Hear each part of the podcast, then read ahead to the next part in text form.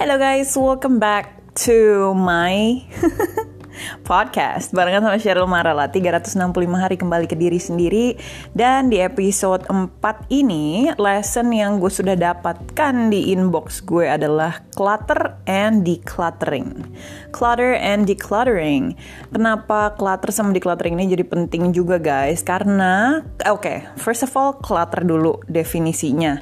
Clutter itu berantakan area-area yang yang berantakan sih ya sebenarnya ya. Kayak tumpuk menumpuk yang yang yang mm, caur gitu di daerah di space di mana lo tinggal atau space di mana lo kerja. Di tempat lo tinggal tempat lo kerja di kamar di lemari di rak-rak buku. Ah intinya di space-nya lo lah ya di ruangan di mana lo spend the most time at clutter itu suka terjadi gitu. Ada juga sih orang yang enggak. Tapi ternyata ya ngomongin soal clutter ini juga clutter itu atau keberantakan itu keberantakan bahasa gue bo. Dimaklumin aja ya tapi kan lo ngerti ya maksudnya apa. Intinya mess yang ada di sekitar kita itu sebenarnya mencerminkan mess yang ada di dalam diri kita juga. Jadi mess yang kelihatan di luar itu sebenarnya sama halnya kita juga berantakan dalam mengorganize pikiran kita, mengorganize perasaan kita, mengorganize emosinya kita. Kita ngomongin yang di luarnya dulu ya. Yang di luarnya dulu nih di uh, emailnya ditulis clutter harms your health katanya gitu. Karena bisa meningkatkan stres, bisa menghancurkan diet lo, bisa men-trigger masalah pernafasan, dan bisa mengancam masalah keselamatan. Dia bilang gitu kan. Ini nggak usah terlalu gue uh, detailin dalam-dalam lah ya. Terus clutter hurts your relationship karena bisa menghancurkan kehidupan percintaan lo. Ini kalau ini mungkin gue bisa baca nih. Excessive clutter causes you to overlook changes that need to be made to strengthen your relationship. It can also lead to higher rates of divorce. Wow. Terus clutter upsets your kids kalau punya anak nih ya. Children living in a severely cluttered environment are less happy, have greater trouble making friends, and are more likely to feel embarrassed about their home's condition. Jadi kalau lo punya anak terus rumah berantakan banget, terus banyak banget barang-barang yang cuman ada di pojokan, nggak pernah dibersihin, nggak pernah dibuang gitu uh, ternyata itu bisa mempengaruhi mental anak kita juga gitu. Dia jadi jadi lebih nggak pedean gitu karena ngerasa keadaan di rumahnya itu tidak mumpuni gitu kan. Terus yang ketujuh uh, clutter isolates you. 50% of surveyed homeowners said that if they have clutter they won't invite friends over. Jadi lo mengisolasi diri lo sendiri kalau misalnya lo itu hidupnya berantakan. Dan apalagi nih clutter derails your career katanya nih guys bahkan ya di kantor itu uh, 80% bos-bos secara subconscious secara alam bawah sadar katanya tidak akan mempromosikan orang yang meja di meja kerjanya tuh berantakan Can you imagine that? Oh my god, gokil. Terus abis itu makes you miss work One of study found compulsive hoarding associated with an average of seven absence per month. Hoarding ini ini lo tau kan kalau hoarding tuh yang orang nggak bisa ngebuang barang-barang lama karena menurut mereka too memorable tapi sebenarnya ini tuh mental health disorder juga gitu. Karena kan ada orang-orang yang saking nggak bisa ngebuang. Lo pernah deh kali nonton. Ada di YouTube deh gue pernah nonton gitu ya. Kayak orang-orang yang rumahnya literally hancur berantakan karena dia nggak pernah membuang apa pun. Karena menurut dia semua tuh ada memorinya. Nah bahaya. Kalau misalnya lo punya pemikiran kayak gitu seek a professional help please. Terus bisa mengurangi produk produktivitas juga. Clutter drains your wallet karena itu katanya mengencourage bad spending habits sama keeps you in debt. Wow, you cannot pay off debt if you can't find your bills. Uh, Oke, okay, karena lebih lebih lebih tepatnya karena kita suka hilang gitu ya, uh, billnya ada di mana nggak tahu. Tapi mungkin kalau zaman sekarang udah pakai email semua, billingnya juga gitu kan, jadi jadi uh, lebih gampang lah dibayar. Tapi meningkatkan stres tadi juga udah dibilangin dan um, balik lagi ke kalau misalnya kita orang yang berantakan gitu ya um, itu kan cerminan lagi dari apa yang terjadi di dalam diri kita. Selalu apa pun ada di luar kita itu cerminan dari apa yang ada di dalam diri kita gitu ya. Jadi kalau misalnya area tempat lo bekerja, tinggal, uh, kamar, lemari segala macam itu berantakan, biasanya cara lo juga mengorganize pemikiran lo pun sama berantakan. Lo tidak bisa mengorganize mana hal penting yang harus lo pikirin, mana yang enggak yang mana yang harus duluan lo kerjakan. Kalau misalnya lo punya task gitu ya lo punya uh, kegiatan yang harus dilakukan biasanya lo juga tidak tahu kegiatan mana yang harus gue lakuin duluan. Akhirnya perasaannya apa? Overwhelm. Overwhelm tuh bahasa Indonesia nya kewalahan. Akhirnya lo kewalahan sendiri dengan hal itu dan akhirnya nggak ada yang selesai.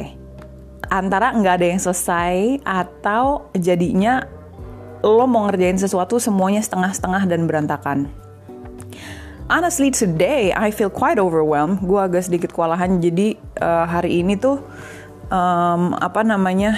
Gue harus terbang dari Jakarta, eh dari Bali ke Jakarta karena besok gue dan keluarga gue mau ada trip gitulah ceritanya kan. Jadi gue harus terbang lewat Jakarta nih. Gue mau Jakarta at the same time uh, apa namanya gue sebenarnya sudah mengumpulkan kerjaan-kerjaan gue gitu kan. Gue kan nulis juga gitu-gitu siaran apa segala macam sebenarnya pekerjaan gue udah gue submit semua. Cuman gue itu tipikal orang yang nggak bisa di saat yang bersamaan. Bukan nggak bisa juga sih. Ya itu dia tadi gue gue sendiri lagi mempelajari bagaimana mengorganize uh, pemikiran gue sendiri gitu ya. Tiba-tiba kayak udah mau masuk gate terus dari kantor ada lah yang oh bagian ini masih missed, bagian itu masih missed apa segala macem gitu-gitu. Sebenarnya nggak 100% kesalahan dari gue juga gitu. Cuman pada saat gue lagi harus check in, lagi ngurusin bagasi, terus tiba-tiba hal-hal kayak gitu masuk di handphone. Senewannya langsung tinggi gitu, langsung tinggi terus bawaannya jadi kayak uh gitu. Sensi gitu kan. Gue mengakui itu sih. Untungnya uh, rekan-rekan kerja gue mereka orangnya cukup lumayan chill. Jadi mereka yang kayak udah lo tenang aja lo terbang dulu terus nanti nanti kalau udah bisa ngobrol kita obrolin nanti gitu kan. Um, dan pada saat gue terbang di saat gue disconnected from the world di satu setengah jam hampir dua jam itu kan gue nggak bisa ngebuka handphone apa segala macam gue tulis sih gue tulis oke okay, begitu gue landing apa yang harus gue kerjain? Karena biasanya gitu pemikiran gue kalau cuma ada di otak doang dan gak gue turunin ke tulisan rasanya tuh banyak banget yang yang belum beres. Padahal pas gue tulis ya gue bahkan menggunakan sebuah aplikasi namanya Trello di mana Trello itu bisa gue label-labelin nih ini to do untuk let's say personal life to do-nya ini. Terus untuk work live yang harus gue lakukan ini terus task untuk hari Senin apa Selasa apa deadline deadline kapan gitu. Semua bisa di labelin pakai warna jadi gue tuh lebih tenang. Setiap kali gue berhasil menceklis satu gitu ya gue centangin satu yang berhasil itu rasanya achievement banget. Dan ternyata ini sama guys.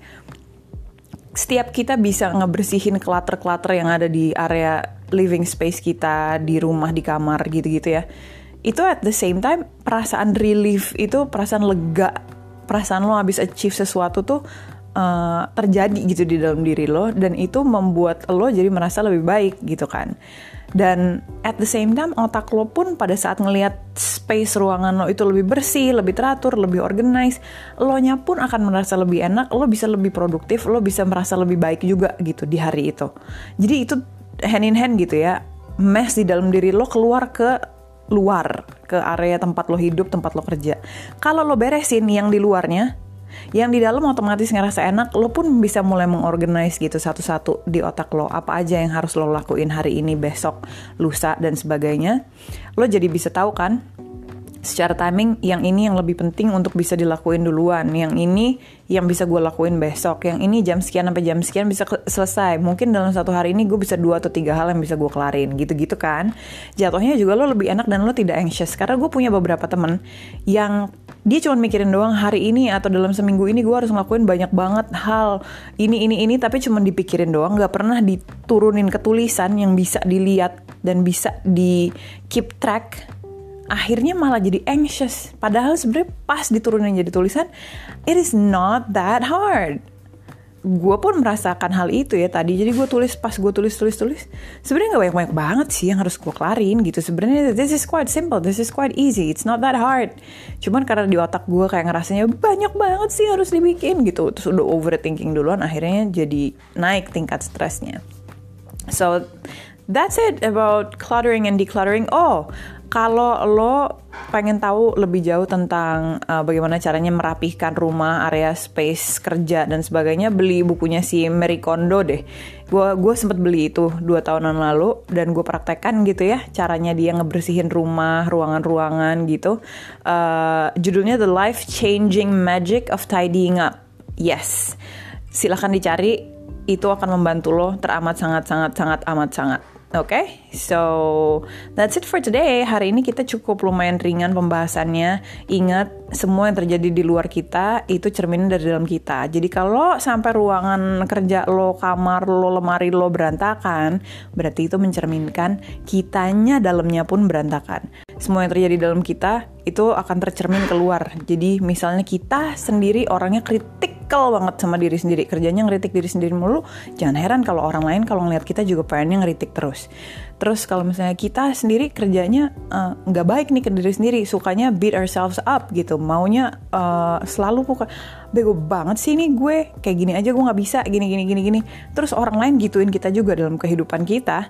Jangan heran karena cerminan dari dalam keluar dan orang lain they only act accordingly, according how we see ourselves, according how we perceive ourselves, according how we treat ourselves. Jadi semua orang akan memperlakukan kita seperti apa kita memperlakukan diri kita. Intinya gitu ya. Kalau lo pengen uh, orang mentreat lo dengan baik, lo harus mentreat diri lo dengan baik duluan. Iya kan? Lo nggak bisa uh, apa namanya? nggak lo tidak memberikan boundaries yang sehat terhadap orang lain orang lain bisa seenak-enaknya jidat ngomong gini gitu sama lo uh, ngatain atau nyuruh-nyuruh atau menteri lo tidak baik. Lo tidak pernah ngasih boundaries. Lo selalu mengelau lo selalu membolehkan orang lain untuk memperlakukan lo kayak gitu. Tapi lo berharap mereka tidak kayak gitu. Gak bisa bo. Lo sendiri harus tahu lo mau diperlakukan kayak apa and start treating yourself accordingly the way you want it. Lo pengen diperlakukan baik baiklah sama diri lo sendiri. Lo pengen orang mendengarkan lo, dengerinlah orang lain, dengerin juga diri lo sendiri. Ya kan, karena diri lo sendiri kan juga berbicara. Kita kan punya internal conversations, right? Listen to yourself. Lo kepengen orang bisa mencintai lo, cintain diri lo sendiri.